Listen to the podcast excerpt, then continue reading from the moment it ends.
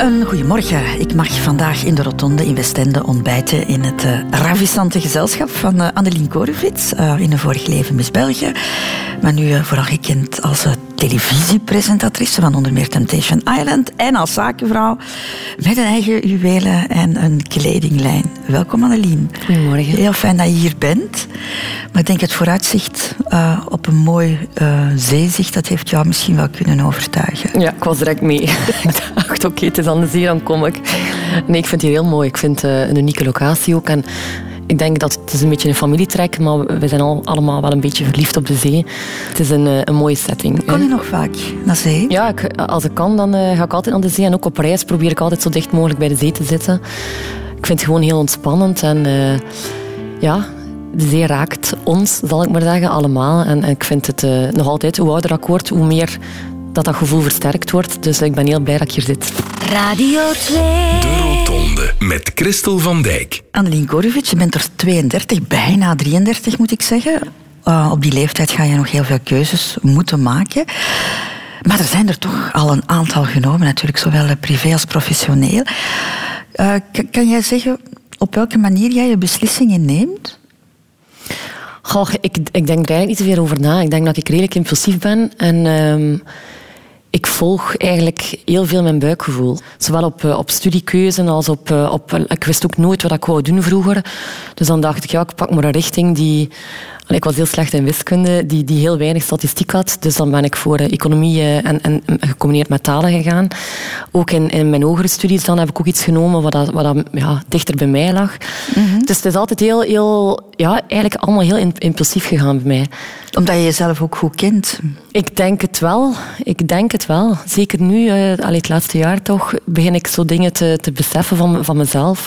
Dus misschien met ouder worden, ik weet het Hoe bedoel je? Wat? Ja, dat, dat ik misschien een beetje beter mezelf leer kennen. En, en daarvoor was het allemaal in een rush en zo. En, en nu staat de tijd soms een beetje stil. Hè, en heb ik ook meer tijd om na te denken. En, en ik merk toch wel dat ik, dat ik bepaalde karaktereigenschappen van mezelf...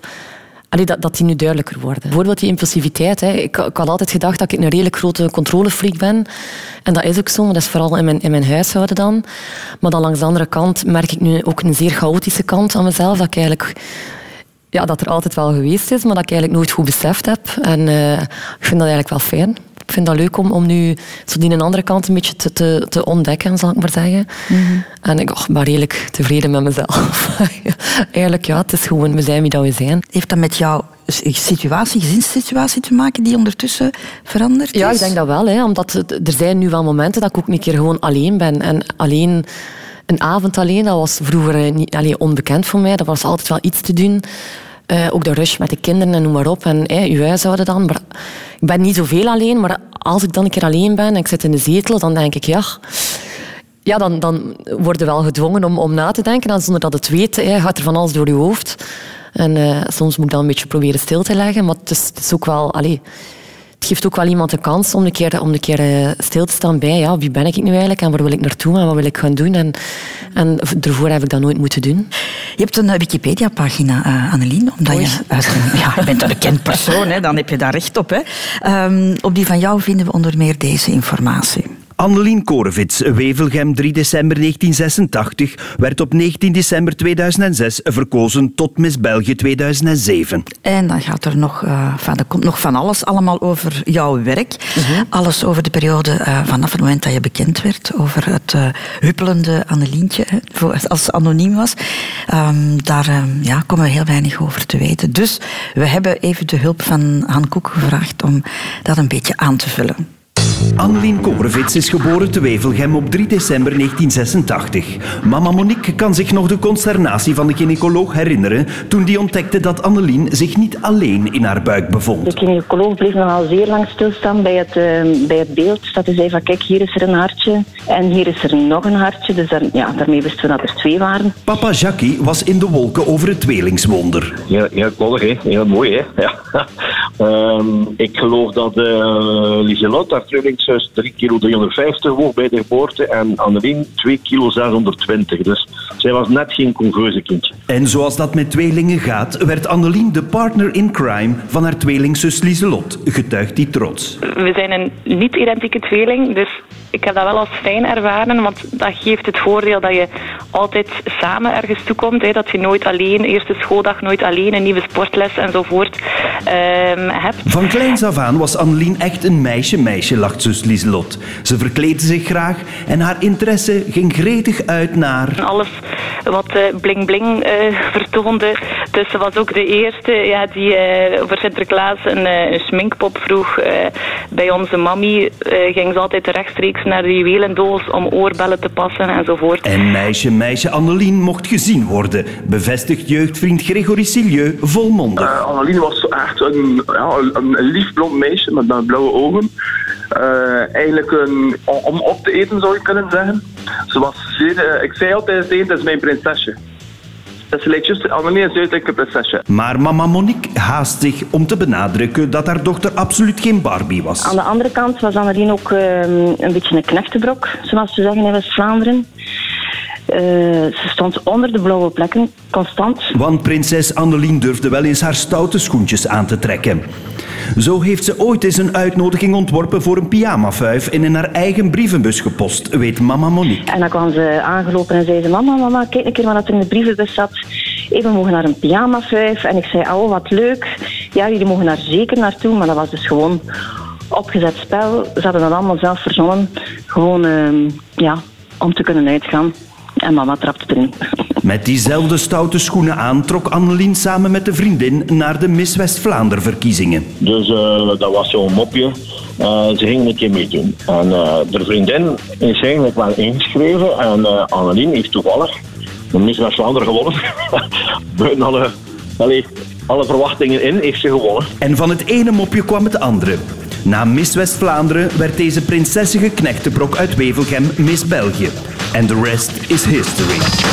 Een engeltje en een duveltje tegelijkertijd? Ja, dat zal wel zeker. Ja, want ik vind het heel herkenbaar. Hè. Ik weet dat ik meisje-meisje was ook. Dat ik altijd heel ja, schmink. En mijn overgrootmoeder, hè, inderdaad, wat mijn tweeling zei, mijn overgrootmoeder had... had uh, een fantastische juwelendoos met, met grote, grote oorbellen. En dat blonk allemaal ondermeest. En uh, zondags gingen wij af en toe wel een keer uh, aperitieven bij mijn overgrootmoeder. En dan gaf ze ons ook ongeacht welke leeftijd dat we hadden, een goede straffe porto. en, uh, ja, want ze zei, niet zo lelijk als een vrouw die niet kan drinken, zegt ze, je moet ermee beginnen op een jonge leeftijd. Dus... Allee, dat, dat, zijn eigenlijk allemaal heel toffe dingen die, die, die nu wel terugkomen. En dan mochten wij ook altijd dus in die juwelendoos zitten en dat vonden wij fantastisch. Ja. Mochten, zolang dat we alles teruglegden, mochten wij eigenlijk doen wat we wilden daar. Uh, maar langs de andere kant, inderdaad, het is, het is altijd... Um, ja, mijn vrienden zeggen dat ook gewoon. Ze zeggen altijd, hij is een halve vent. En ik vind dat ook niet erg. Ik weet dat ik een, een redelijk uh, alleen een mannelijke kant heb in mij. En, ja. Mm, met een zeer vrouwelijk uiterlijk. Dat. Ja, voilà. De Rotonde. Radio 2. Radio 2. Geboren worden, Annelien Korevits, dat is de eerste afslag die men in het leven neemt. En dat kan je pech mee hebben uh, als je niet op een goede plek belandt. Maar dat is gelukkig jou niet overkomen. Even schetsen, vier kinderen. Je hebt een, een, een, twee jaar oudere zus, een broer die tien jaar jonger is. En, en dan daartussenin zit jij met, uh, met je tweelingzus. Ja, klopt. Je hebt het in eerdere interviews al omschreven als een warm nest. Mm -hmm. Wat bedoel je daar precies mee?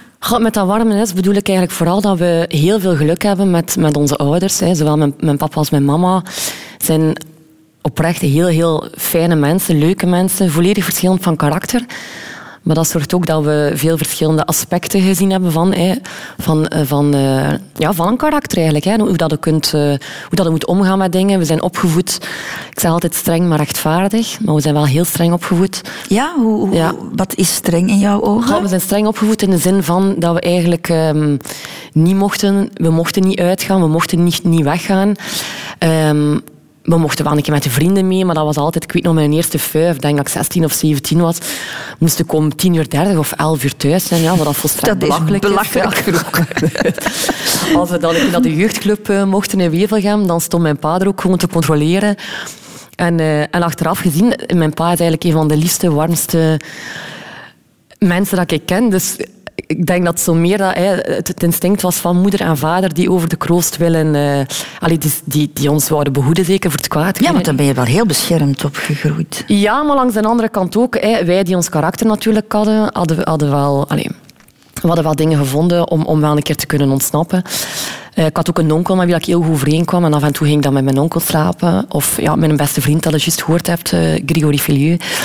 Um, dat, dat, was een beetje mijn tweede thuis ook dat was precies mijn broer. En, en met zijn moeder ook heb ik nog altijd ook een heel goed contact. Dus wij mochten ook gewoon wel regelmatig op de vloer, allez, over de vloer bij vrienden. Maar we zijn heel beschermd opgevoed in de zin ook van dat we heel goed moesten weten wat er kon en wat niet kon. Um, piercings, tattoos, dat was uit een boze. Dat was geen optie, absoluut niet. Uh, we mochten geen zotte dingen doen. Uh, we moesten altijd respect hebben voor alles en iedereen. Dat, was, dat is erin gestampt. Hè. Gelijk wie dat we tegenkomen. Altijd beleefd zijn, altijd met twee woorden spreken. Altijd hè. helpen ook. Van kinds af mochten wij op een krukje staan. Mee helpen koken met ons mama. Wij moesten ja, wij, moesten, wij waren verantwoordelijk voor onze eigen kamer. We moesten wassen, strijken. Is het echt? Ja, wij moesten gewoon echt alles ook, ook doen wat, dat, wat dat een... Ja, wat dat ik ga niet zeggen een vrouw, hè, want dat is heel cliché, maar mijn broer moest het ook doen. Maar we, dat, ja, we moesten gewoon meehelpen. En wij moesten ook al van een heel jonge leeftijd uh, vakantiejobs doen, om te weten wat het is om te werken. En om te weten ja, wat het is om geld te verdienen. En nu is dat bijvoorbeeld... Ja, toen was dat natuurlijk heel weinig. Maar hadden nu moeten werken voor 5 euro per uur bijvoorbeeld, zeggen ze 5 euro per uur, meende dat. Maar in, in een tijd van ons was dat nog minder en wij vonden dat wel oké. Maar ja, daar ben ik eigenlijk wel dankbaar voor, want zo leerde natuurlijk dat iedere job ook en iedereen... Ja, dat, er niemand, dat er eigenlijk nooit boven iemand anders mag staan. Zo zijn wij opgevoed. Mm En ik, vind dat, ja, ik ben heel dankbaar voor die opvoeding. Met een grote werkethiek dan ja, ook. zeker weten. West-Vlaams, typisch West-Vlaams. Uh, je moet werken, en je moet vooruit. je moet zorgen dat je op je eigen benen kunt staan en dat je niet afhankelijk bent van iemand. En dat is altijd zo geweest. Is dat de reden waarom je ook bent blijven werken op een moment dat je het eigenlijk financieel niet meer nodig had? Ik ben altijd blijven werken omdat ik gewoon... Ik kan niet thuis zitten. Ik heb het, ik heb het nodig om, om een uitdaging aan te gaan en ik wil tussen de mensen zitten. Ik wil iets bewijzen, ik wil iets doen. Um, en ik heb het geprobeerd. Hè, tussen, allee, ik was nog jong. Maar uh, toen ik bevallen was van Elena, was ik 24. Ik heb een thesis trouwens voorgesteld in Tover eh, toen ik hoogzwanger was. Wat een klein beetje marginaal voelde toen. Maar eh, toen ben ik even thuis geweest ook, um, omwille van die bevalling natuurlijk. Ik vond me niks. Ik vond maar niks. Nee, dan heb ik mijn dochter uiteindelijk op een redelijk late leeftijd ook naar de crash gebracht. Ik denk dat ze zes of zeven maanden was voor uh, allee, haar eerste dag in de crash. En ik was ook gewoon zo blij dat ik terug kon gaan werken, dat ik terug weg kon en ook gewoon mijn gedachten kon verzetten. Dus je bent vrij streng opgevoed. Kon jij je schikken in die manier van, van opvoeden? Ik kon me er wel in schikken, omdat ik natuurlijk ook wel een beetje een hoestendoender ben. En, en, af, en toe, af en toe vonden we er wel iets op om, om, om een keer buiten de... Allee, buiten, allee, om een beetje de regels te, te ja, te breken eigenlijk. Hè. Uh, dan maakten we een keer zelf een uitnodiging of dan, dan zorgden we wel dat we een keer weg konden. Maar openlijk rebelleren? En, en... Nee, ik ben nooit een, een, een, zware puber geweest. Mijn ouders beamen dat ook. Ze zijn altijd het minst gepubert van allemaal. Misschien moet het nog komen, ik weet het niet. Maar ik, ja, nee, ik, ik, vond, ik zag er niet van in. We zijn ook allemaal geen grote uitgaanders. Mijn broer nu wel, maar mijn zus en ik niet. We hadden er ook niet zoveel behoefte aan. Ja, we zijn ook opgegroeid in Wevelgem. Hè. Dat was een dorp onder de kerktoren. En uh, wij gingen altijd ofwel naar de jeugdclub, ofwel was het een bruine café. Mhm. En dat klinkt nu heel, heel ja, banaal misschien, maar voor ons was dat kaarten, manille, hè, met een pint. En, en, uh, en dat waren voor ons de beste tijden. Dat was een café waar dat dan een keer Paul Severs kwam optreden. En voor ons was dat de beste dag van, de, van, van het jaar. Hè, dan. Heel glamorous klinkt het niet. Ja, dat was ook gewoon voldoende voor ons. Dat was genoeg. Maar kan jij je in het algemeen goed schikken naar regels? Dat durf ik niet zeggen. Ja, regels, nee. Ze mogen me niet te veel regels opleggen. Ik kan mijn eigen regels wel, wel opleggen voor mezelf. Nee, maar het is ook, ik, ik heb nooit ook voor een baas gewerkt, hè, dus ik weet niet meer wat het is om te moeten luisteren naar iemand. En zoals ik al zei, ik ben, ben heel traditioneel in, in het huishouden en zo. Maar op, mijn, op werkvlak wil ik gewoon mijn eigen ding kunnen doen. En dan beslis ik wel zelf en bepaal ik wel zelf wat ik ga doen. We gaan nog even terug naar jouw jeugdjaren, Annelien Korevits. Als je 16 bent, dan, dan gaan jouw ouders uit elkaar. Hè? Mhm. Had jij dat zien aankomen? Ik denk het niet. Ik denk niet dat ik dat had zien aankomen. Misschien moet je wel weten dat ik me heel weinig herinner van vroeger. Ik heb echt een heel slecht geheugen, maar echt ongelooflijk slecht.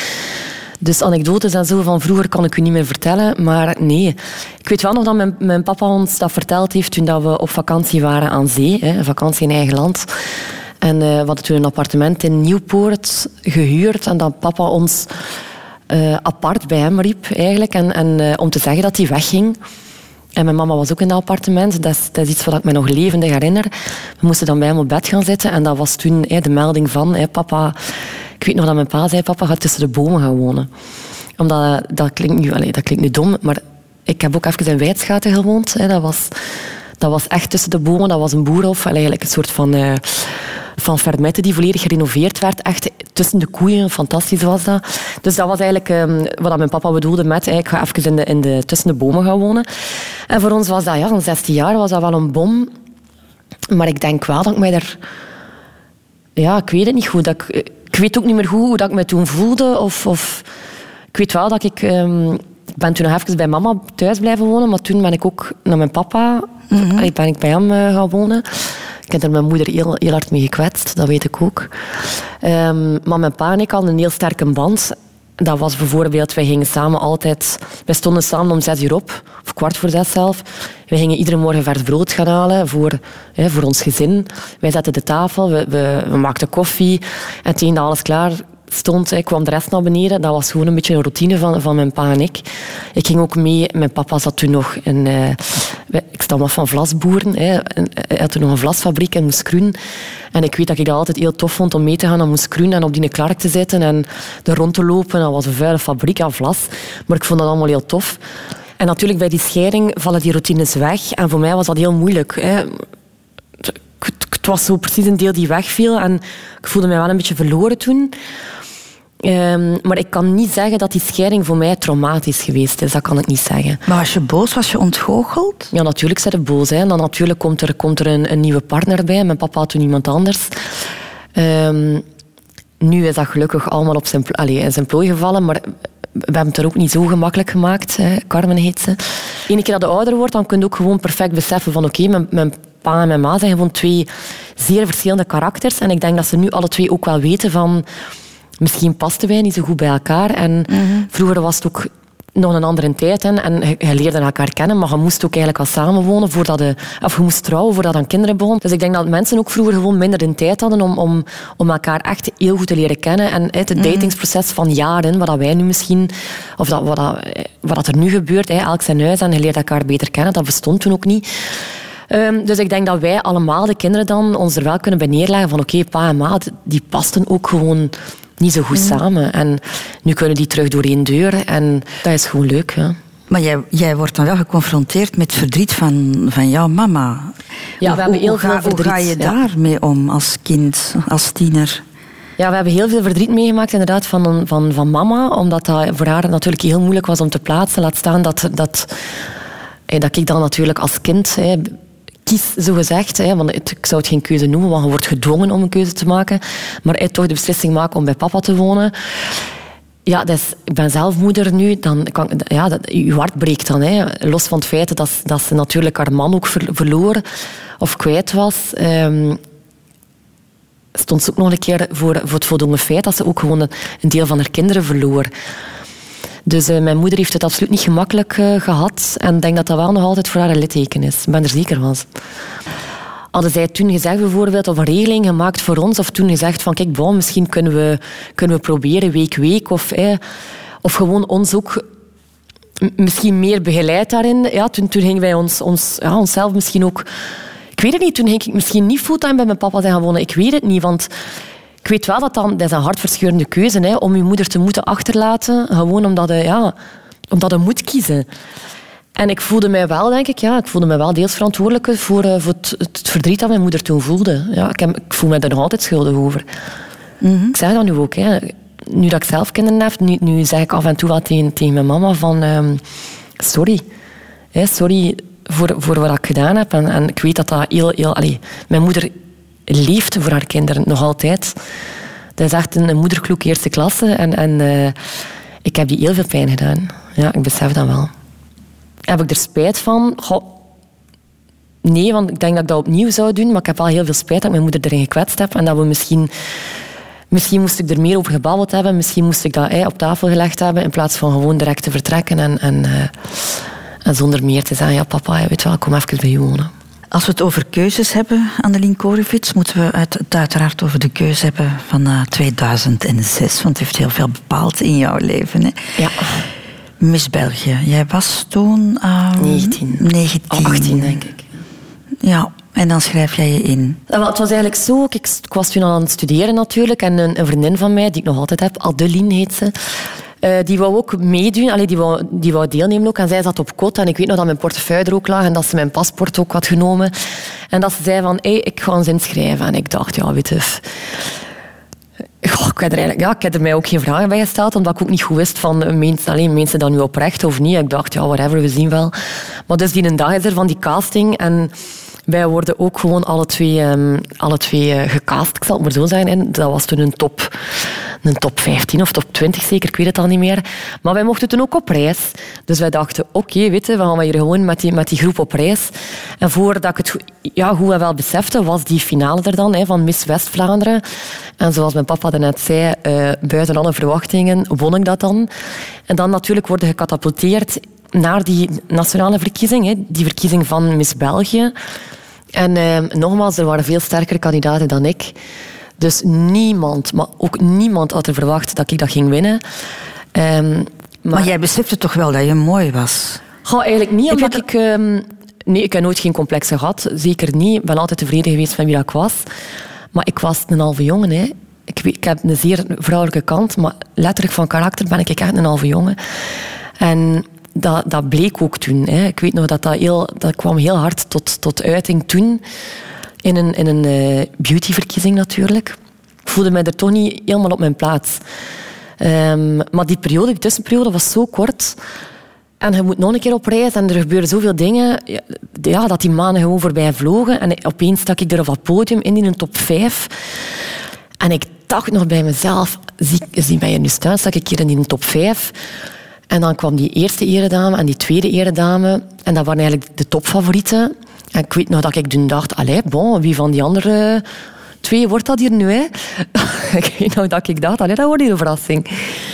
En dan in één keer ja, hoor ik mijn naam. Maar ik was ook de laatste nog op VTM. Dus in mijn jaar telde die televoting nog heel hard mee. Was dat 50% in feite het publiek thuis mm die, be, die besliste toen. Hè. Dat waren nog de, glorie, ja, de gloriejaren van de België-verkiezing. Uh, met een personal act en zo dat je moest doen. Allee, iedereen keek ook voor die personal acts. Ik vond dat zelf ook heel tof om dat te kijken. En ik had toen gekookt op dat, op dat podium. Ik had toen uh, crêpes gemaakt, omdat ik... Ja, ja, omdat ik dacht dat ik niks anders kon. En blijkbaar die televoting voor heel, allee, eh, telde dan mee voor 50% van de, van, de, van de puntentelling. En ik ben eigenlijk een beetje verkozen, denk ik, door de mensen thuis. Mhm. Dus hey, die, die naam komt dan en je wordt verkozen. En ik dacht, kon ik alleen maar die bloem in de lucht steken. En ik weet ik nog dat al die journalisten er stonden en dat ik eigenlijk bij mezelf dacht, gewoon een keer allemaal aan de kant, want ik wil hier nu gewoon naar mijn ouders. Maar ja, dan, dan begin je aan iets... Dat wist je eigenlijk waar je aan Ik wist het niet. Ik, eh, echt, ik ben erin gerold, letterlijk, en dat is mij overkomen. Opnieuw, ik heb er geen spijt van, maar dat jaar zelf kan ik niet zeggen dat het voor mij Allee, dat dat 100% mijn ding was. Omdat dat heel, zijn heel veel verplichtingen. Ja, ik ben een goestendoender en als ik geen zin heb om bepaalde dingen te doen, dan, dan wil ik ze ook niet doen. Ja, je bent... Uh, toch regelmatig heb je wel eens confrontaties gehad. Hè, ja, met, uh... ik op de vingers getikt ook door het comité. Let op, Dardine en ik, wij komen heel goed overeen. En nu met ouder worden is dat eigenlijk een beetje... de Vos bedoel je, de organisatrice. Ja, hè? dat is ook een beetje een vriendin geworden. En af en toe gaan wij nog samen gaan eten. En we hebben een heel goed contact.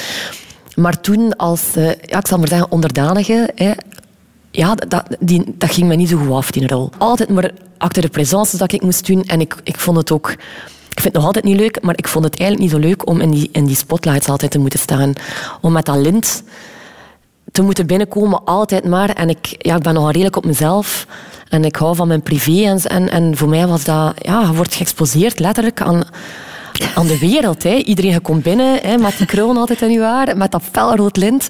En je moet er maar staan hè, op een podium. En ik dacht altijd maar, wat stak ik hier te doen? Dacht ik altijd. Maar ik voelde mij geen meerwaarde. Ik dacht altijd, maar, maar waarom willen de mensen mij hier op een podium zien? Waarom moet ik hier die, die, die prijzen uitreiken? Waarom moet ik hier die lintjes doorknippen? Waarom moet ik hier op een autosalon staan? Waarom? Ja, ik dacht altijd, maar waarom willen de mensen met mij op de foto? Ben ik er ook maar gewoon een simpele West-Vlaamse van 19? Ik, ik heb mij nooit zo in een rol gevoeld van... Oh, ik ben Miss België. Dat, nooit heb ik dat gevoeld. Ik heb dat nooit zo aangevoeld. Nu, het, het is een jaar dat jou veel heeft opgeleverd, hè, als je naar de toekomst kijkt. Maar heeft het ook, is het ook een jaar van je jeugd geweest dat Ja. jou afgepakt is geweest? Ja, ik durf dat wel zeggen. Nogmaals, ik ben, ben zeker blij dat ik het gedaan heb. Hè, en, en zeker eh, toekomstgericht. Maar ik hoor heel veel mensen altijd zeggen, oh, bekend worden, bekend worden. Jonge meisjes die ook zeggen van, oh, ik wil bekend worden. En dan denk ik altijd van, allee, let op wat dat je wenst. Want aan 19 moet je eigenlijk gewoon onbezonnen in het leven kunnen staan. En moet je kunnen dom doen en moet je kunnen eh, te veel drinken en, en, en een keer ziek zijn en een keer dansen op de tafel. Dan moet je gewoon kunnen je ding doen, gewoon zonder dat er iemand bij... Zonder dat je echt altijd bekeken wordt. En, en eh, dat is iets wat ik ongelooflijk onderschat heb en wat ik, waar ik ook nooit had bij stilgestaan. Maar dat is eigenlijk voor de rest van, van je leven. Dus je wordt, ik word altijd herkend en mensen kijken ook altijd. En, en eh, mensen fluisteren ook altijd op restaurant of gelijk wanneer. En dat, ik vind dat verschrikkelijk. Dat is iets waar ik nog altijd niet mee om kan. En ene keer dat ik dan begin te babbelen met die mensen, is dat oké. hè, want dan, dan zijn dat ook maar gewoon mensen en weten zij ook van mij van oké, het is ook maar gewoon een, een iemand. En dat zorgt ook wel dat je karakter volledig gevormd wordt. Hè? Want ik ben altijd een vrolijk kind geweest ook, maar die vrolijkheid, die spontaniteit, dat wordt eigenlijk een beetje onderdrukt. Ineens kun je niet meer je eigen zijn in onplein publiek. En mogen niet meer zot doen. En mogen niet meer hè, de dingen doen die een tiener eigenlijk zou moeten doen. Of die een student zou moeten kunnen doen. En dat voel ik wel een klein beetje als een gemis. Ja, dat wel. Radio 2. De Rotonde. Nog eens even terug eh, naar de periode van Miss België, Annelien Korevits. Je zat op de hogeschool toen, je Ja. deed eh, communicatiebeheer. ehm, en je bent daar mee moeten stoppen omwille van... eh, vond je dat erg? Ehm, nee, ik vond dat niet zo erg. Dat was ook, ik had al een jaar achter de rug natuurlijk, maar ik moest er nog twee of drie nog twee doen dan. Ehm, en ik ben ermee moeten stoppen, omdat ik, ja, je kunt dat gewoon niet combineren. Hè. De, de, ik denk dat iedere Miss België dat kan, kan beamen, dat dat jaar ook zodanig druk is. Je kunt, het is onmogelijk om studies en dat jaar te combineren. Ik heb dat wel even geprobeerd, maar ik heb al lang, allee, ik had erop moeten inzien van dat, lukt hier ook niet.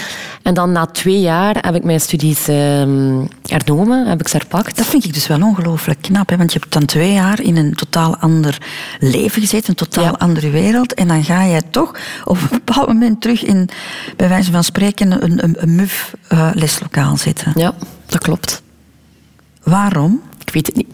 Het, het, het, hoef- het hoefde niet. Je was bezig, je had Nee, het werk. hoefde niet, maar ik heb ook altijd die een, een beetje een idee fix in mijn hoofd gehad van ik, ik ga hier wel dat diploma halen en ik ga wel studeren. En weer al, hè, van thuis uit ook, is er ook een beetje in gestampt van hè, je moet toch je diploma halen en je moet toch je studies afmaken. Dus ik heb dat ook gewoon gedaan. Ik moet wel zeggen, dat was geen evidentie.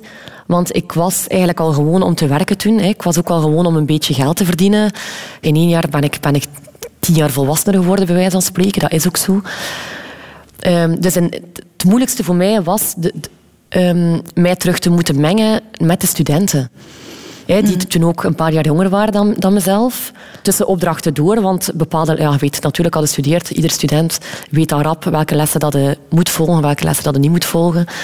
Dus sommige lessen ja, die skipte ik dan ook gewoon, omdat ik wist van het is toch gewoon een boek van buiten leren. Maar terwijl dat iedereen achter, zijn, ja, achter de, de, de lessen dan gewoon nog iets ging gaan drinken of, of uitging in het weekend, ja, dan ging ik al terug, terug gaan werken dan, of deed ik al terug... Dus je moest heel gestructureerd leven op dat ogenblik. En je studies. Ja, gestructureerd, maar ik woonde werk. toen ook al bij Olivier. Hè. Dus dat was ook nog een keer een huishouden erbij toen. En dat was, ik, ja, dat was voor mij gewoon weer niet nagedacht. Ja, het is weer al niet nagedacht. Het is gewoon gekomen of dat kwam. En ik weet nog dat ik twee proffen had. Ik had nooit vergeten. ehm Delmot en eh, meneer De Spriet. Dat waren twee proffen die ook, eh, die ook in het zakenleven... allee, Die ook een, zaak hadden. Die ook, en die verstonden mij. En daar had ik zo'n goede band mee. Ook zo'n goede klik mee.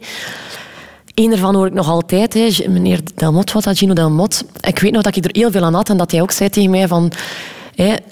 Goed dat het, dat het de twee probeert te combineren. En, en dat was iemand die mij verstond. Die ook wist van, oké, het is belangrijk dat het terug verder werkt en dat hij toch een beetje blijft. Het is eigenlijk ook een beetje dankzij die, die, die twee profs, zou ik maar zeggen, dat, dat, dat ik ook vol hart heb. Hè. Dat ik ook gewoon dacht van oké, het is oké. dat ik hier ook wel lessen mis en dit en dat. Want ik zou het heel erg vinden, denk ik, op die leeftijd toch ook zeker, om, om geen aansluiting te vinden met... Uh, ja, maar ik voelde er ook gewoon heel weinig connectie mee met de andere studenten. Dat is, niks, dat is allee, geen, allee, niets tegen hun natuurlijk.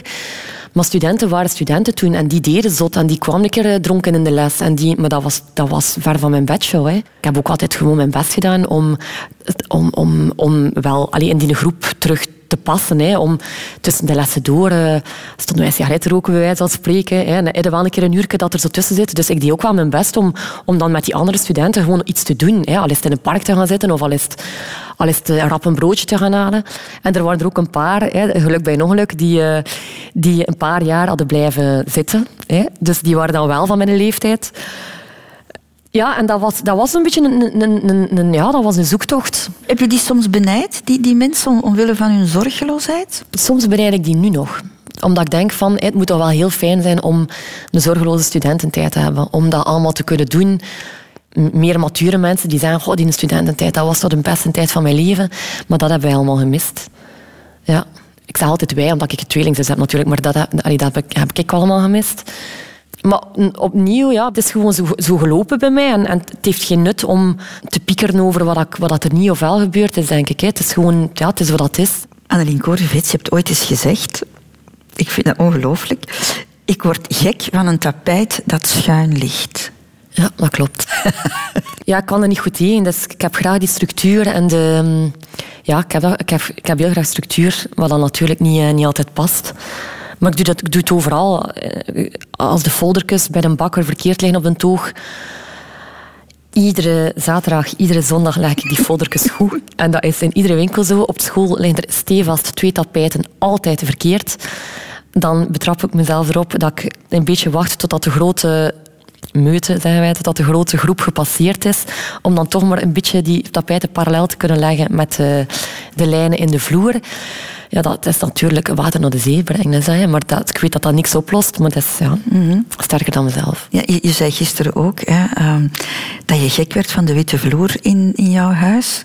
Klopt. Omwille van... Ja. Klopt. Omwille van de vuiligheid die er constant op ligt. Ja, ik ben zeer perfectionistisch eh, in mijn huishouden. Ik, ik, ik, woon ook graag in een proper huis. En dat wil niet zeggen dat... Ik heb ook heel veel volk over de vloer. Altijd met kinderen. Ja, ik heb ook zelf twee kinderen natuurlijk, dus het kan nooit proper zijn, maar als ik in mijn bed kruip, wil ik dat het proper is. Dat is voor mij een soort van, ja, een soort van rust ook. Hè. Ik kan niet in de, in, in de zetel aan een film kijken als ik weet dat een afwas er nog staat, of dat gaat niet. Ja. Mhm. Nu, het gaat over, over jouw huis, over, over praktische dingen, mhm. maar kan ik dat perfectionistische, kan ik dat doortrekken in, in alle aspecten van jouw leven? Ja, ik denk het wel ik dacht het wel. Ik zal het zo zeggen, ik dacht het wel. Maar nu ook, meer en meer begin ik zo'n beetje te beseffen van ja, weet je, ik, soms ben ik ook wel een chaot. En mijn auto is gewoon ook soms een vuilbak. En dat vind ik dan wel weer niet erg, soms. En, en ja, dus ik weet het niet in hoeverre dat ik het echt kan doortrekken en alles. Ik denk dat ik vooral voor mezelf heel streng ben. Minder voor anderen en minder voor, voor um, mijn venoten bijvoorbeeld op mijn werk of, of mijn collega's dan. Ik denk dat ik voor hun de lat veel lager leg dan voor mezelf. Mensen die perfectionistisch zijn, hebben dikwijls ook last van faalangst. Die twee dingen horen heel dikwijls bij elkaar. Ja, maar dan nog vind ik niet dat ik op een niveau van perfectionisme... Allee, ik, ik, ik vergelijk met mijn tweelingzus dan. Mijn tweelingzus is, is nog een grotere zot dan, dan, eh, dan ik. Dus soms denk ik, ja, het valt wel mee. Voor, voor mezelf dan. Um, maar echt die faalangst, dat, ik weet niet of ik dat echt heb. Dus eigenlijk is dat, het is ook een beetje dubbels. Hè. Het is niet... Allee, ik ben nu bijvoorbeeld een schoenenlijn aan het ontwerpen en dan moet dat, ene keer bezig ben, moet dat allemaal wel kloppen. Maar ik ben ook, dat klinkt nu misschien ook raar, maar ik ben ook tevreden van mezelf. Dan ben ik ook tevreden mhm. over mezelf. Als ik een heel toffe zomercollectie dat ik nu ontworpen had, en ben nu bezig aan de winter 2021, ik ben wel rap tevreden. Ik kan wel echt zeggen van, hey, goed, ik ben eigenlijk wel trots op mezelf. En ik denk dat een perfectionist dat niet rap kan zeggen. Dus het is, het is een beetje dubbel. Aanvaard je soms hulp als je het moeilijk hebt, bijvoorbeeld? Nee, dat is een hele moeilijke. Nee, omdat ik altijd maar zeg, ik zal het zelf wel kunnen. Ja, ik doe het wel Ja, dat is, dat is een vast zinnetje dat ik altijd zeg. Het is goed, eh, ik ga het wel zelf doen. Als de vrouw nu wist en ik heb een heel slechte dag, dan zeg ik, ça va. En dat ik dan bijvoorbeeld hoor aan de andere kant, mijn- mijn zus bijvoorbeeld, die dan zegt, wat gaat niet, Eline? Dan zeg ik, ja, ja, het zou wel gaan. En dan leg ik de telefoon toe en dan denk ik, laat me nu allemaal gerust, want daar wil ik niet over babbelen dan. Hè. Dus ik kan de vaart heel moeilijk eh, hulp. Ja. Dat is waar. Een beetje, ik vind dat ook ambetant om erover te babbelen. Ik weet Ja? dat dat, ik weet dat, dat, dat ligt niet... eh, ja, ik vind, dat, ik, vind dat niet, eh, ik vind dat geen leuk onderwerp om over te babbelen, omdat ik weet dat dat een defaut is en ik weet dat dat moet veranderen. En Waarom is dat een defaut? ja, omdat iedereen hulp nodig heeft. Hè. Je, kunt niet, je kunt niet alles alleen. Ik kan niet alles alleen. Ik ben ook maar een mens met twee handen. En ik weet dat ik niet... Ik kan niet en mijn kinderen en mijn werk en mijn, eh, mijn emotionele gezondheid hè, en, en, en mijn psychische gezondheid en alles wat erbij komt, dat kun je niet... Je kunt dat niet allemaal alleen onderhouden. Soms heb je een keer iemand nodig die een keer zorgt ook voor je en die een keer, die je een keer helpt. En ik vind dat een hele moeilijke. Dat is de teugels loslaten. Ja, dat kan ik niet. Ik geef niet graag de controle uit de handen. Ik denk niet dat ik het al ooit gedaan heb. Ik denk ook niet dat ik het eraf ga kunnen. Het zit er niet in. Nee. Heb je dan het gevoel dat je mensen tot last bent? Ja, altijd. Ik denk altijd, eh, iedereen heeft zijn eigen problemen en waarom zouden ze die van mij er nog moeten bijpakken? Terwijl dat ik omgekeerd helemaal tegenovergestelde ben. Hè. Als, mijn, als er iets is met mijn zus of met een vriend of met gelijk hoe, dan ga ik ervoor koken en ga ik die opvangen en, en vang ik de kinderen op en al wat dat je wilt. Maar zelf een keer vragen van, hey, misschien heb ik nu wel iemand nodig, dat gaat niet. Nee, maar dat is ook gewoon omdat ik het weet van waar dat komt. Hè. ik, weet, ik, heb het ook nooit, ik heb het ook nooit gedaan. Aan een zeer jonge leeftijd ben ik ook in een relatie gerold, met Olivier natuurlijk. En, en ehm, heb ik op een heel jonge leeftijd ook al die zorg op mij gepakt. En dat zat er ook al in van kinds af. Want ik kookte ook altijd thuis. Ik vond dat heel tof om te strijken en om, om die huishoudelijke dingen erbij te pakken. En om, om te zien dat dat mijn ma plezier deed, dat dat mijn pa plezier deed als ik bij hem was. En ik, had een keer gekookt en ik kwam dan thuis. En hij hè, de, de mensen gewoon een keer helpen. Dat, doe ik, dat heb ik eigenlijk al van een heel jonge leeftijd gedaan. En natuurlijk met Olivier was dat ook. Met de voetbal waren dat ook zeer onregelmatige uren. En dat is geen zorgenkind, ik ga dat zo niet noemen, maar dat was natuurlijk wel, hè, zijn, zijn rust moest gerespecteerd worden. Dus automatisch kwam heel die zorg ook op mijn schouders terecht. Dus kwam ik van mijn werk, wist ik, oké, ik moet nog boodschappen doen, ik moet de kinderen, moet dat, moet dat, moet dat, moet dat, moet zorgen dat die op tijd klaar staat, dat er hier een dessert is, dat de kinderen op, in- op tijd in bed zitten, en bad, en dit en dat. Dus ik deed het ook allemaal zelf en ik doe het ook nog altijd allemaal zelf. Maar natuurlijk, als er dan een keer emotioneel eh, een zwaardere periode aankomt, of je zit erin, dan is het niet meer zo evident om dat allemaal... Ja, dan zijn je gewoon minder sterk.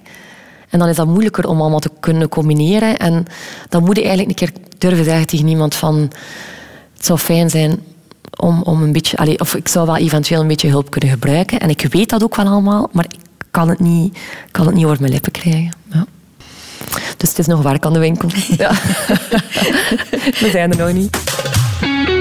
Radio 2. In het Rotonde, Annelien Korevits, hebben het ook altijd over de liefde. Wat op dit ogenblik in jouw leven niet het makkelijkste onderwerp is natuurlijk. Hè? Nee, dat klopt. Hè, onlangs hebben jullie bekendgemaakt, jij en Olivier, dat jullie eh, een punt gezet hebben achter jullie relatie. Ehm, je hebt mij vooraf gezegd, ik praat daar niet graag over, of ik wil daar niet over praten. Ja, ik wil er niet echt over, eh, over uitweiden, omdat dat natuurlijk iets is. Ja, twee, twee mensen maken, allee, die, die, die, die maken een beslissing natuurlijk. En ik zei het al daarnet, ik vind eh, ons privéleven heel belangrijk. We hebben ook nooit eh, geëxposeerd of, of, of interviews gegeven om maar interviews te geven. We je hebben hebt dat nooit een gedaan. interview gegeven, of één keer, Eén dacht keer, ik. Hè? ja, dat klopt. Dus ik zie er nut niet van in om, eh, om eh, België te laten weten hè, hoe of wat, of wat dat de beweegredenen waren. Dat is denk ik een beslissing tussen, tussen hem en mij. En ik zie dat nog altijd als ons gezin. En ik, ik ben zeer beschermend tegenover, ook tegenover hem. Ook. Het, is, nog altijd, eh, het de papa van mijn kinderen. En ik zie hem nog altijd graag. En dat gaat ook nooit veranderen. En dat blijft een van de belangrijkste mannen van mijn leven. En dat gaat ook nooit verdwijnen. Want nee, nogmaals, we hebben, we hebben kinderen. We zijn ook 14 jaar samen geweest. We komen ook nog goed overeen. Allee, we- nu lukt dat nog allemaal. Dus ik kan alleen maar hopen dat dat zo blijft. Ja. Hm, Het is ook allemaal nog vers hè, om erover te praten. Ja. Er zijn nog een aantal dingen die moeten uitgeklaard worden, denk ik. Hè. We geven jou de tijd ervoor. Annelien. Dankjewel. Dankjewel. Misschien ooit in een, eh, in, een ander, Voilà. in een ander gesprek. Maar goed, liefde is een heel breed onderwerp. Hè. We kunnen dat eh, heel, heel, heel eh, mooi opentrekken. Wat verwacht jij ervan als, als jong meisje? Ik denk dat wij zeer ehm, romantisch ingesteld waren in de zin van. Ja, wij mochten, weet dat wij allee, nog niet zoveel mochten uitgaan, dus wij keken ook altijd naar films. Ook heel het, Disney, ehm, Disney-verhaal, wij keken heel veel naar Disney-films. En dan ja, zie je ook gewoon de prins op het witte paard en dat sprookjesachtige. Ik heb er altijd wel een beetje van gedroomd. Trouwen, dat was voor mij ook... Daar keek ik ook echt naar uit. Ik vond dat... Ik vond, ja, vind dat nog altijd de, dat was de mooiste dag van mijn leven. Oprecht, na de geboorte van mijn kinderen, onze trouwdag, vind, ik vind dat nog altijd. Dus ik denk dat ik wel romantiek in mij heb. diep, diep, diep van binnen zit het er wel in. Ja, liefde, wat verwacht ik van de liefde? Ik denk dat ik er nooit niet veel van verwacht heb. Ik heb ook niet zoveel ervaring in de liefde. In die zin van, ja, ik was natuurlijk heel jong toen ik met Olivier begon. En ik, buiten Olivier heb ik nooit echt iets anders gekend. Hè. Voor mij, was dat jouw eerste grote... Dat was mijn tweede, mijn tweede lief eigenlijk. Ik had één liefje ervoor. Dat heeft ongeveer een jaar geduurd. We komen nog altijd overeen. We zien elkaar ook nog soms af en toe. En dan, ja, dan, dan was Olivier er. En mhm. dat was het. Maar dan ben je wel iemand die zich zeer engageert. Enorm, ja. In een relatie. Als je Enorm. zegt, ik heb maar twee relaties gehad. Ja, ik ben... Uh, zeer honkvast en, uh, en uh, ja, hondstrouw ook eigenlijk. Ik vind, ik vind dat ik kiest voor iemand, dan ja, ben zeer ouderwets op dat vlak. Maar echt 80 ben ik in mijn hoofd dan. ik vind, uh, ja, dat is... Ik vind, dat, ik vind dat iets heel mooi. Ik vind, als ik oudere mensen hand in hand over straat zie lopen, dan, dan krijg ik een heel warm gevoel over mij. En dan denk ik, ah, zo wil ik ook worden. En ik heb dat ook altijd voor ogen gehad. Ik dacht altijd, ja, als ik kies voor iemand, dan, ja, dan kies ik ook effectief voor, de, voor die persoon. Uh, maar kijk, uh, het is nu anders uitgedraaid natuurlijk. Maar ik kan over niks anders meespreken dan gewoon de liefde die ik, die, die ik had met, met, met Olivier dan. Hey, op relatievlak. Ik kan natuurlijk wel meespreken over de liefde uh, tegenover mijn kinderen. of, of over de liefde die ik voel tegenover mijn zussen. Want dat zijn mijn beste vriendinnen. Dat is een ander soort liefde. Dat zijn allemaal andere niveaus van liefde. Maar in een relatie, ja... ik heb nu eenmaal zeer weinig ervaring op dat vlak. Dus het is, is ook een beetje beangstigend hè, nu dat dat dat wegvalt. En uiteindelijk is het, is iets dat wegvalt nu. Of, of ja, en is, ja, ik noem dat een, een donkere kamer. Hè. Dus, het is een, uh, is, ja, is even afwachten wat dat, wat dat wordt zeker. Of wat dat, wat dat de toekomst brengt. Je hebt nogthans gezien bij jou thuis, want je ouders zijn dan uit elkaar gegaan, dat het ook fout kan lopen dat bij klopt. mensen. Ja, maar dat snap ik ook allemaal. Hè. Ik ben er ook zeer, um, zeer nuchter in. Hè. Als twee mensen niet niet passen bij elkaar. En je kunt, je kunt, ik zei vroeger ook in ieder interview, als ik trouw, dan is het voor de rest van mijn leven. Maar kijk, ik, ik spreek mezelf tegen nu, maar het is gewoon, ja, soms komen er dingen op je pad en, en je moet ook... Ik vind ook dat, dat je eigen mocht verliezen. Je mocht ook... Ja, je bent natuurlijk ook een, een individu op zich. Hè. En dat is ook met ouder worden, dat je dan begint te beseffen van... Oké, je mocht je eigen ook niet verloochenen. En ja, je moet jezelf ook niet verliezen. Ik denk dat een gezonde relatie ook is. Je staat al twee naast elkaar en, en je vult elkaar ook perfect aan.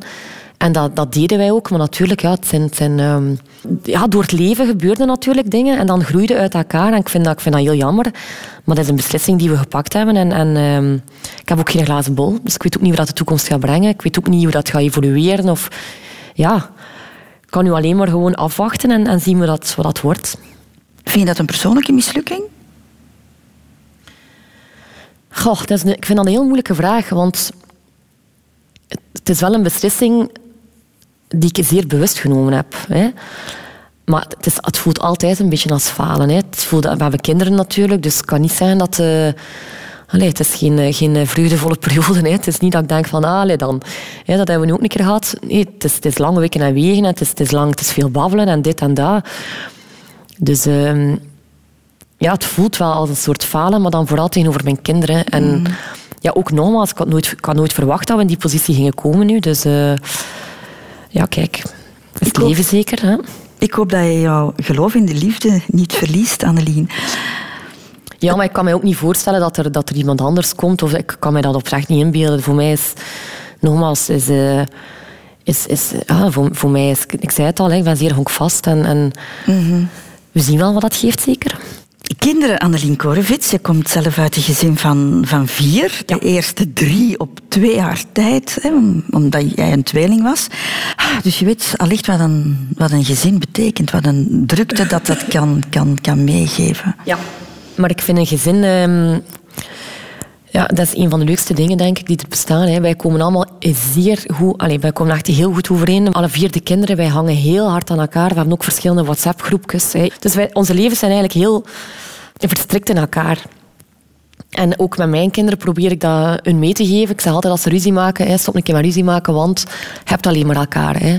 Mhm. Wij hebben zo'n sterke band en ook met onze ouders nog altijd. Ik, ik vind dat, um, dat dat het centrum is van alles. En voor ons is dat een soort van terugvalbasis als het een keer minder gaat. Of wij kunnen altijd rekenen op elkaar, maar ook altijd. En ik zie die ook gewoon ongelooflijk. Het zijn de mensen dat ik het liefst zie van heel de wereld, buiten mijn kinderen dan. Dus mhm. voor mij gaat er niks boven dat. En dat zijn die waarden en die normen dat ik probeer mee te geven ook aan mijn kinderen van... Ja, natuurlijk, dat is een beetje doemdenken, maar moesten we er ooit niet meer zijn, hoop ik dat die twee ook zo'n sterke band hebben en dat ze ook altijd op elkaar kunnen blijven rekenen. Dat is wel gek, want iedereen ziet jou als een glitter en glamorous dame en eigenlijk ben je een gewoon een, een, een heel burgerlijk meisje. die alleen maar droomt van huisje, tuintje, keukentje, bij wijze van spreken. Ja, maar dat is ook zo. En ik ben gewoon ook heel graag thuis. En ik maak van mijn thuis ook graag iets heel warm en gezellig. Dus je wist ook al heel snel dat je kinderen wou? Dat... Wat dan nu niet? Nee, ik had altijd gezegd, goh, kinderen, ja, voor mij hoeft dat misschien nog niet direct. Niet direct, maar je wilde het wel. Het was ik heb nooit een kinderwens gehad, maar ik denk dat dat ook komt gewoon omdat ik op heel jonge leeftijd mama ben geworden. 23 zwanger hè, en 24 ben ik bevallen van, uh, van onze dochter. Die niet ehm, echt gepland was? Goh, die niet echt gepland was in de zin van dat uh, Olivier wou heel graag kinderen toen. Hij, was ook een, allee, hij is ook een, een, beetje ouder dan, dan ik ben. Maar voor mij hoefde het dan nog niet. Maar ik was toen ook gestopt met mijn pil. En iedereen zei, goh, je moet jaren nog, hè, dat gaat nog jaren duren. Het cliché-verhaal. Maar ja, kijk, dat was um, vroeger dan, um, dan verwacht. En ze was ook heel welkom. We waren toen ook al meer dan vier jaar samen, dus dat was een logische, een logische stap voor ons. Natuurlijk, als ik terugkijk, is het niet van had ik beter iets langer gewacht. ook dat weer. Hè. Je kunt altijd twee richtingen inslaan. En ik denk dat het heel veel voordelen heeft om als op latere leeftijd mama te worden. Maar ik denk dat het ook veel voordelen heeft om op jonge leeftijd mama te worden. En ik zat nu eenmaal in die positie. En kijk, ik ben 33 bijna. En ik heb een dochter van 8,5. Ik vind dat mhm. fantastisch. Maar je zat wel in de nawee van die Miss België-verkiezing. Zeker. Dus je had heel veel werk ook. Ja, maar ik voelde mij toen ook nog een beetje een kind. Ik, ik wist toen, nu achteraf terugblikken op, op, op die tijd... Ik was toen ook nog niet volwassen. Ik was ook nog geen, nog geen vrouw. Ik was ook nog niet... Ik was al dat nog niet. Ik was eigenlijk nog een kind die ook een beetje gewoon moest ontdekken wat dat allemaal was. En ja, kijk, bon. Maar ik heb de keuze gemaakt om vroeg in een relatie te stappen. Om, vroeg, we hebben dat beslist om vroeg aan kinderen te beginnen. En daar heb ik er spijt van. Ja, ik kan eigenlijk ook niet echt zeggen dat ik er spijt van heb. Ik heb heel, we hebben er heel rap, voor, voor, gezorgd dat wij dat gezin hadden en die familie. Maar dat leunde ook gewoon dicht aan bij wie, dat ik, bij wie dat ik ben. En ik ben nooit geen vlierenfluiter geweest en ik heb nooit de behoefte gehad om om te experimenteren of mijn vleugels uit te slaan, was ik gewoon altijd content met geen kat. En ja, en, en dat is nog altijd zo. Je hebt dan wel vier jaar gewacht voor, voor, voor heb je dat dan op een andere manier beleefd toen? Omdat zeker. je een beetje ouder was? Zeker, zeer zeker. Want Elena was ook, uh, lang vooral kort. We hebben twee, uh, ik ga niet zeggen huilbaby's, maar we hebben twee moeilijke kinderen gehad hè, als baby. En Elena was ook een spoedkeizersnede. Dat was ook allemaal niet like of dat moe. En ik, als die bevalling was ik in shock. Maar echt in shock. Ik heb met een beef gezeten, letterlijk twaalf uur aan een stuk dat overviel mij en dat kind was er en dat was in dat verantwoordelijkheidsgevoel en ik wist niet hoe dat er mij allemaal overkwam. Nogmaals, ik was ook nog zeer jong. Dus om dan eigenlijk eerst uit die moeilijke fase van dat huilen en die dan eruit zet, ja, dat duurt ook wel mm even. En ik, ik werkte toen ook nog niet, dus ik was ook thuis constant met die kleine. En ik vond dat eigenlijk, ik mag niet zeggen maar niks, maar ik voelde, dat was een heel stresserende periode, ook voor ons allebei. Maar toen, ja, oké, toen, toen viel alles wel in zijn plooi, maar ik weet nog wel dat ik dacht van, oké, ze is hier nu bijvoorbeeld twee. En de meeste, tien dat ik nu weer zwanger ben, hè, dan zit er, zit er al drie jaar tussen. En ik wou ook wel dat, niet dat er te veel tijd tussen zat, maar ik zag het echt niet zitten om, om vroeger dan dat ook nog, nog een tweede kind te hebben. Ik wist altijd wel dat ik twee kinderen wou. En Olivier ook natuurlijk heel graag, want hij wou wel een groot gezin. Maar ik zag het niet zitten om om vroeger dan, wat dat nu is, is het vier jaar tussen. Ik, ik, oh, ik ging dood. Alleen nee, nee. ik, oeh. Nee, ik vind heel, heel, ben heel content dat er die vier jaar tussen zit, dat ik een beetje op mijn plooi kon komen. En de bevalling van Louis was natuurlijk ook weer een keizersnede. Maar voor mij was dat, dat was een heel andere ervaring. Ik weet nog dat... Dat, allee, dat was ook een geplande keizersnede toen. Dat, dat verliep allemaal veel rustiger. En ik weet nog dat ik, dat ik mijn zoon, ik zeg altijd mijn zoon, maar dat toch, ik vind dat altijd iets, een moeder-zoon-relatie vind ik, vind ik, ik durf dat openlijk zijn, ik vind dat anders dan een moeder-dochter-relatie. Ik zie ze alle twee even graag, maar het is, een ander gevoel. En ik weet nog dat ik dat kind op mij had en dat ik dacht, dat was een gevoel van pure, oprechte liefde, like wat ik nog nooit in mijn leven had gevoeld, dat ik dacht, en nu mag de wereld ontploffen voor mij. Het is, het is goed. Het is gewoon goed het is, het is perfect of wat is. Dus ik ben zeer dankbaar dat ik dat, ik dat gevoeld heb en dat ik, dat ik dat kan voelen met mijn twee kinderen nu. Hè. voor mij ja, is, is een, een, ehm, een, liefde van een moeder tegenover haar kinderen is ja, de sterkste dat er kan zijn. En dat gaat ook altijd zo blijven. Ik heb, ben ook heel beschermend tegenover mijn kinderen. Ik ben een beetje een leeuwin als het erop aankomt. Ja, voor mij is er niets zo belangrijk als, als, ja, als mijn kinderen ook gewoon. En ik vind dat wel fijn. Ik vind dat een leuk gevoel. De Rotonde. Radio 2. Radio 2. Annelien Korevits, in niet heel veel programma's wordt er gevraagd, denk ik, om te sterven. Maar in de Rotonde wel. Want dat is de laatste afslag die jij nog uh, zal moeten nemen in het leven. Hè? Ja. Denk je daar al wel eens aan? Ja, ik denk er eigenlijk wel heel veel aan. Dat klinkt ook een beetje raar, maar mijn pa zei altijd, er zijn maar twee zekerheden in het leven. Dat je, je wordt geboren en je sterft. Het is weer die West-Vlaamse nuchterheid die dan naar boven komt. En dat is ook een beetje zo. Maar ik, wil, ik, ja, ik ben eigenlijk wel een beetje bang om te sterven in de zin van... Ik heb altijd al ook, ook een beetje gehad toen ik nog thuis woonde vroeger. En Olivia had toen stages en was toen weg in de weekends. En dat was ook, de weekends waren ook altijd... Voor mij, en ik weet nog dat, dat ik er ook met twee kleine kinderen zat en dat ik altijd maar dacht... Maar als er hier nu iets gebeurt met mij, of ik overlijd hier in mijn slaap, of gelijk wat er hier mag gebeuren, dan weet niemand dat ik dood ben en zijn mijn kinderen niet alleen. Dus ik heb altijd een heel grote die, de verantwoordelijkheid gevoeld tegenover die kinderen van ik mag hier niet sterven. Want mijn kinderen kunnen niet opgroeien zonder moeder. Dus eigenlijk begonnen, die angst een beetje, is begonnen sinds dat ik kinderen heb. Vliegangst bijvoorbeeld. Ik ben er nooit een fan van geweest. Van in een vliegtuig zitten, maar ik moet nu eenmaal veel vliegen voor mijn werk. Ik zweer het, sinds dat ik kinderen heb en ik kruip in een vliegtuig, ik ben panisch. Ik wil niet sterven. Maar dan is de schrik voor de dood is eigenlijk de schrik om jouw kinderen te moeten achterlaten. Ja, ik denk dat het niet zozeer schrik is voor de dood, want ik denk, oké, ja, we, sterven wel ooit allemaal. Maar dan hoop ik dat het echt nog lang mag duren en dat, dat ik eerst kan meemaken dat alles gewoon op zijn plooi valt en dat ze ook gewoon een eigen leven hebben. En dat... Want nu voel ik dat, dat, dat er nog te veel mensen zijn die mij nodig hebben. En ja, sorry, maar ik kan ook nog niet gewoon sterven. Nee. er moet nog gezorgd worden. Het is geen optie, hè. Dus ja, dat ik maar nog lang mag, mag leven, toch. Ja, ik wil ook nog gewoon zoveel dingen doen. Ik wil nog heel veel dingen doen. Ik wil nog heel veel dingen meemaken. Ik wil, ja, ik wil niet sterven. Ik ben er eigenlijk wel een beetje, ja, een beetje bang voor. Ja. Hoop je dat er iets komt nog daarna? Ja, daar ben ik dan weer veel te realistisch en veel te nuchter in. Dat ik wel weet dat dat niet zo is. Maar ik ben ook wel, ik hou ook wel van die, van die, uh, ja, die melancholische bijgeloven. Die, mijn, mijn grootvader is gestorven, hè, de, de, papa van mijn mama. En die heeft, uh, ik weet niet of je dat weet, maar je kunt sterren kopen. Ja, die heeft een ster gekocht. En die zei altijd, uh, als ik sterf, dan moet je gewoon naar boven kijken en ik zit op die ster.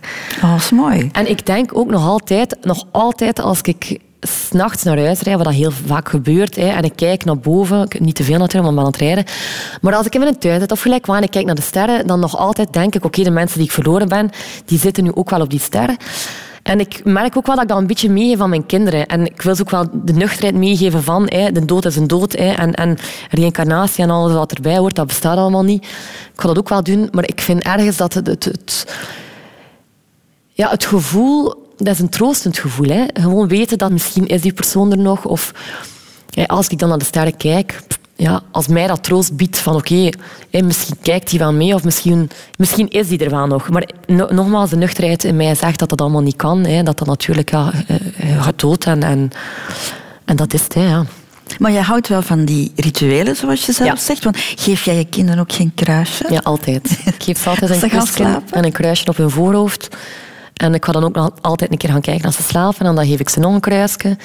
En ik brand ook nog altijd kaarsjes. Onze grootmoeder deed dat, mijn overgrootmoeder deed dat. Ik vind dat, ik vind dat iets leuk om nog altijd ook te doen. Als er iemand bijvoorbeeld moet... Als ik nee, binnenkort ben ik weer weg voor opnames, dan zit ik weer al meer dan twaalf uur in een vliegtuig. Dan weet ik dat mijn moeder een kaarsje brandt. En ik vind dat gewoon heel fijn. En ik doe dat ook voor mijn dochter ik weet, als, als er iets is of ze, heeft iets spannends, zeg ik, mama, ga een kaarsje branden. Hè. Zij is oud genoeg om dat te beseffen. En ik vind dat ook wel gewoon leuke, leuke rituelen. Ik vind dat iets leuk om mee te geven. Ja, mijn moeder doet dat ook altijd. Dat is gewoon eigenlijk een, een, kwestie van, ik denk aan jou. voilà, voilà. En dus, wij zijn niet zo... Allez, ik, ik kan niet veralgemenen, maar ik ben niet zo sterk in gevoelens uiten. Ik ben er heel slecht in trouwens. Dus dan denk ik, oké, door een kaarsje te branden of door die kleine dingen, laat ik wel zien dat ik wel houd van hen of dat ik aan hun denk. Voilà. Dus dat is een beetje een, een compensatie zeker. Hè? Ja. Had je een goede band met die grootvader die gestorven is? Ja, heel goed. Ja, maar we waren nog... Allee, is, uh, is al even gestorven, maar dat was, allee, ik heb er alleen maar fijne herinneringen aan. Ook aan mijn onkel, mijn lievelingsonkel die gestorven is. Alleen maar, alleen maar goede herinneringen. En ook dat, hè, dan denk ik, oké, misschien zitten die wel... Allee, misschien zit jij dan ook op die ster. Dan denk ik, ja, is het een grote familiekwestie aan het worden? het is, het is meer het gevoel van, allee, het zou wel fijn zijn, moest dat zo zijn. Nu, ik wens je nog een heel lang leven toe, Annelien Korevits. Dank u. Maar mocht het zover zijn en ik eh, ben in de buurt, dan weet ik perfect wat jouw laatste avondmaal zal zijn. Oei. Gegrilde langoustine met salieboter, een stuk gerijpt vlees, uh, bleu chaud gebakken, klopt. met verse frietjes, verse tartaar en, en pickles. Klopt het? Dat klopt helemaal. En een dessert nog als het kan. Ja. Dat is rijstpad met gouden lepeltjes, maar dat is dan misschien in de hemel weet. Hè? Dat is goed. Ja, dat klopt eigenlijk wel. Annelien Korevits, uh, het verleden, daar hebben we over gepraat, maar uh, er is natuurlijk ook nog toekomst en in jouw geval hopelijk nog heel veel. Zijn er dingen waarvan je zegt van die wil ik zeker nog doen? Het probleem is een beetje dat ik nog heel veel dingen wil doen. En ik weet dat ze niet allemaal haalbaar zijn. Ook op, um, vooral op professioneel vlak wil ik nog heel veel dingen doen. Ik wil eigenlijk nog heel veel reizen ook. Um, maar het ding is een beetje ik ben redelijk tevreden met hoe dat is. Dus ik kan niet zeggen dat ik echt een uitgesproken wens heb om nog, om nog of een, ja, een, een echte drang om nog iets te, te willen doen omdat ik het nu ook al goed vind. Ik vind het nu ook al goed of wat is. Maar als ik wel mag dromen, ja, ik wil natuurlijk nog uh, ik wil de continenten nog allemaal zien. Ik wil, mm. Mijn droomreis is de westkust nog van Amerika ook uh, met een auto af te kunnen rijden. Um, safaris in Afrika, maar dan misschien met de kinderen. Weet Dus dat zijn allemaal dingen die van op, op de bucketlist staan, om, om het zo te zeggen. Maar ik wil vooral um, misschien rust, denk ik. Ik denk dat dat nu uh, een belangrijke is om, om te krijgen. En en eens dat we daar zijn, dan komt de rest wel vanzelf. En de reizen doen we sowieso. Als de kinderen een beetje ouder zijn, dan kunnen we wat verder ook gaan. En, en af en toe een keer gewoon ook alleen op reis. Vind ik ook heel, niet, niet alleen alleen, maar met een paar vriendinnen op reis. Van mijn zussen vind ik ook heel leuk. Gewoon ja, een beetje eigenlijk doen wat ik nu aan het doen ben. Af en toe een keer wat tijd voor, voor, voor mezelf nemen en er ook van genieten en dat ook, eh, dat, dat ook kunnen doen. Voilà. Ja. Wel, ik hoop echt uh, uit gans mijn hart, Annelien, dat je die rust uh, gaat vinden. Want ik heb jou leren kennen als een heel warme, zorgzame vrouw. Dank Dankjewel dat je wou ontbijten met mij. Wil je nog iets in mijn gastenboek schrijven? Ja. Lieve Christel, de rit naar hier deed me een beetje twijfelen. Ben ik genoeg voorbereid? Tot waar kan ik gaan? Hoeveel wordt er van mij verwacht? Eenmaal hier, met de kanten die de zee ons biedt, viel dit natuurlijk allemaal weg. Ik wil jullie hartelijk bedanken voor de twee uur durende pauze. Een warm gesprek, een beetje zelfreflectie en een gevoel van vertrouwen. Veel meer moest deze morgen voor mij niet worden. Liefst, Annelien.